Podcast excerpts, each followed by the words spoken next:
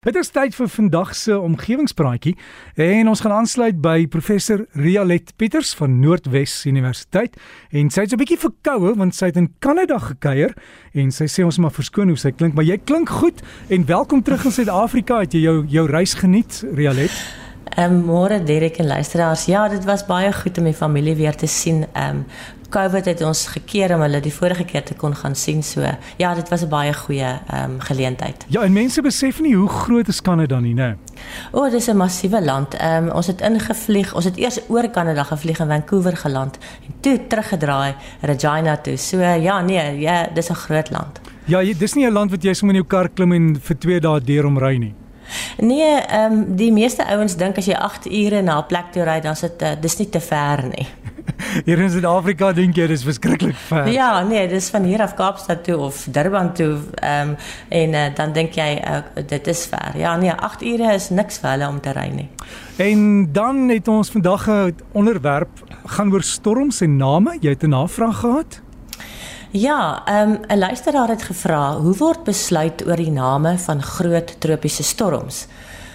Ehm um, en dit is op die Facebook bladsy gevra van omgewingspraatjies en ek het so 'n bietjie gaan rondsoek en die antwoord gekry op die Wêreld Meteorologiese Organisasie se webwerf.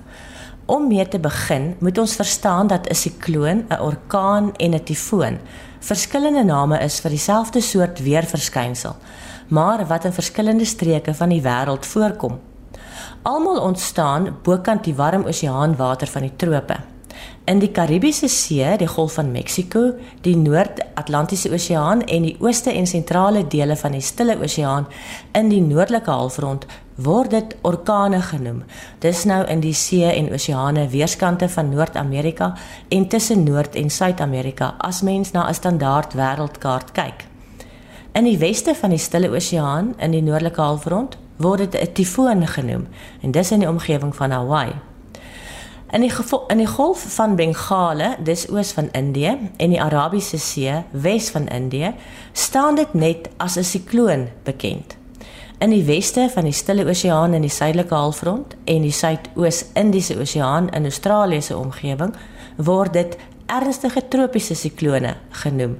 En in die suidweste van die Indiese Oseaan, dis nou Madagaskar se omstreke, staan dit net as 'n tropiese sikloon bekend. Siklone, orkane en tifone beskryf almal reuse tropiese storms met wind wat vinniger as 119 km/h spiraliseer. Hulle ontstaan bokant oseaanwater waarvan die temperatuur minstens 26,5 grade Celsius is en wanneer hierdie storms land tref, veroorsaak dit ernstige skade aan eiendom en mensgemaakte strukture en lei dikwels tot groot menseverlies. Een so 'n voorbeeld is die orkaan Katrina wat in 2005 in Louisiana in die VSA gelei het tot die dood van ongeveer 1200 mense en miljoene Amerikaanse dollar se skade aangerig het. Hierdie storms gaan ook gepaard met groot hoeveelheid reën wat in kort tydperk val en verspoelings, vloede en modderstortings kan veroorsaak. Die praktyk om tropiese storms name te gee, het jare gelede al begin en die redes wat aangevoer word vir hierdie gewoonte is dat dit help vir die vinnige identifisering van die storm in waarskuwingsboodskappe en dis makliker om name te onthou as getalle en ander tegniese terme dis makliker vir die media om daaroor te rapporteer en slaan mense eerder ag op waarskuwings oor storms met name en maak gemeenskappe vinniger gereed vir die aankomende storm. Die name wat gebruik word is gewoonlik kort, onderskeidende name met relatief eenvoudige spellings en uitsprake en is meer gebruikersvriendelik vir die gebruik deur honderde weerstasies, kusbasisse en skepe ter see as die omslagtige lengte en breedtegraad identifikasiemetodes. Aan die begin het storms arbitrêr 'n naam gekry.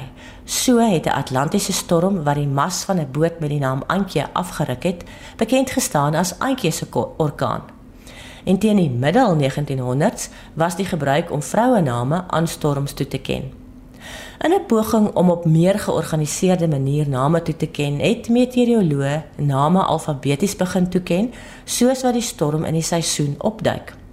En teen die einde van die 1900s het storms wat in die suidelike halfrond ontstaan, mansname gekry.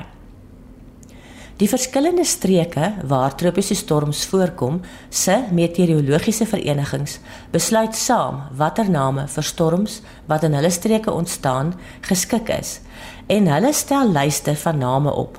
So byvoorbeeld is daar vir die storms wat in die Karibiese See, die Golf van Mexiko en die Noord-Atlantiese Oseaan ontstaan, 6 lyste met 21 name in alfabetiese volgorde. Name wat met Q, U, X, Y en Z begin word nie gebruik nie.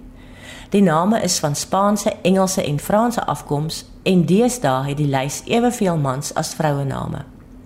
In 2025 en 2020 was daar egter 27 en 30 storms onderskeidelik wat moes name kry en was die 21 name te min.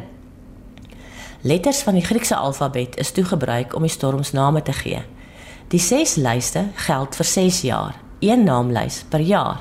En na afloop van die 6de jaar begin hulle weer met lys 1 se name. Dus sal die name wat in 2022 gebruik is, weer in 2028 aan die beurt kom. As 'n storm egter tot groot menseverlies gelei het en reuse skade aangerig het, soos orkane Katrina, Ria en Wilma, word die name van die onderskeie lyste verwyder en vervang met nuwe name.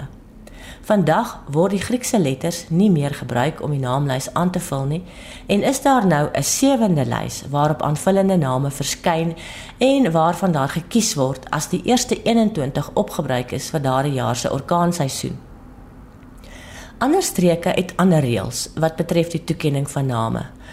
So het die meteorologiese verenigings verantwoordelik vir die sentrale stille oseaan in die noordelike halfrond net 4 naamlyste, ook almal alfabeties, maar met net 12 name per lys. En as hulle aan die einde van 'n lys kom, begin hulle bo aan die volgende lys. Name op een van die lyste klink soos volg. En vergeef my uitspraak. Akoni, Emma, Hone, Iona, Kelly, Lala, Moke, Nola, Olna, Pena, Ulana en Wale. Name wat deur die regionale meteorologiese sentrum in Tokio vir die westelike stille oseaan in die noordelike halfrond en die Suid-Chinese See goedgekeur is, beslaan 5 lyste. En kon die lande wat belange het, twee name per lys voorstel. Lande wat deelgeneem het, sluit onder andere in Japan, Maleisië, Korea, Hong Kong, Thailand en die Filippyne in en is daar 28 name op die lys. En gaan ek eers probeer om die name uit te spreek nie. Ek neem aan vir lande in daardie wêrelddeel is die name so uitspreekbaar as wat Katrina en Wilma vir my is. Daardie lyste lyk ook nie juis alfabeties nie. Suid-Afrika is deel van die Suidwes-Indiese Oseaan Naamgewingsgroep saam met onder andere Zimbabwe, Mosambiek, Tansanië, Mauritius en die Seychelles en daar is 3 lyste met 26 name per lys. Elke land het 2 name per lys voorgestel. Suid-Afrika het die name Walter, Violet, Aurelia, Fazile, Gesane en Kanga voorgestel.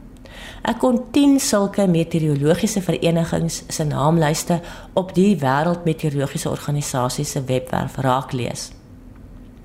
Ek het op die omgewingspraatjie se Facebookblad wêreldkaarte geplaas waarop mense die name van die see en die oseane kan sien en ook watter wêrelddeel gebruik watter benoeming vir 'n tropiese storm. Gaan loer 'n bietjie. Realit baie dankie en dink jy dis dis gepas dat 'n mens 'n naam kan koop vir 'n storm? Sal jy jou naam wil hê aan 'n storm? ek weet nie of ek my naam aan 'n storm sal. Ja, miskien as ek my as ek dink aan al die kere wat ek my ehm um, my ehm um, my cool soos die studente sê verloor het in die klaskamer dan is dit seker gepas dat 'n vrou vroue naam gebruik word vir 'n storm maar ehm um, nee wat ek is nie gepla oor om my te laat vernoem na 'n storm nie ja um, dat, ja Daar's daar's ja. 'n grappie wat loop wat sê uh, hulle noem dit eh, 'n uh, vrou se naam weet want in 'n skei saak vat sy alles. O, jy meen is dit die rede hoekom ehm, 'n um, storm na 'n vroue vernoem is aan die begin? Ja, nee, ja, ek, ek weet nie. Ek dink mans mans kan maar net so kwaad word en net so woeste ja, kere gaan. Nee, nee, ek stem heeltemal saam met jou. Ek skerts maar net so 'n bietjie. Wonderlike naweek vir jou. Geniet die sonskyn. Dankie daai kant vir julle ook. En dit aan ons omgewingspraatjies saam met professor Rialet Pieters by Noordwes Universiteit en omgewingspraatjies is die Facebookblad. Jy kan daar gaan loer en inligting kry.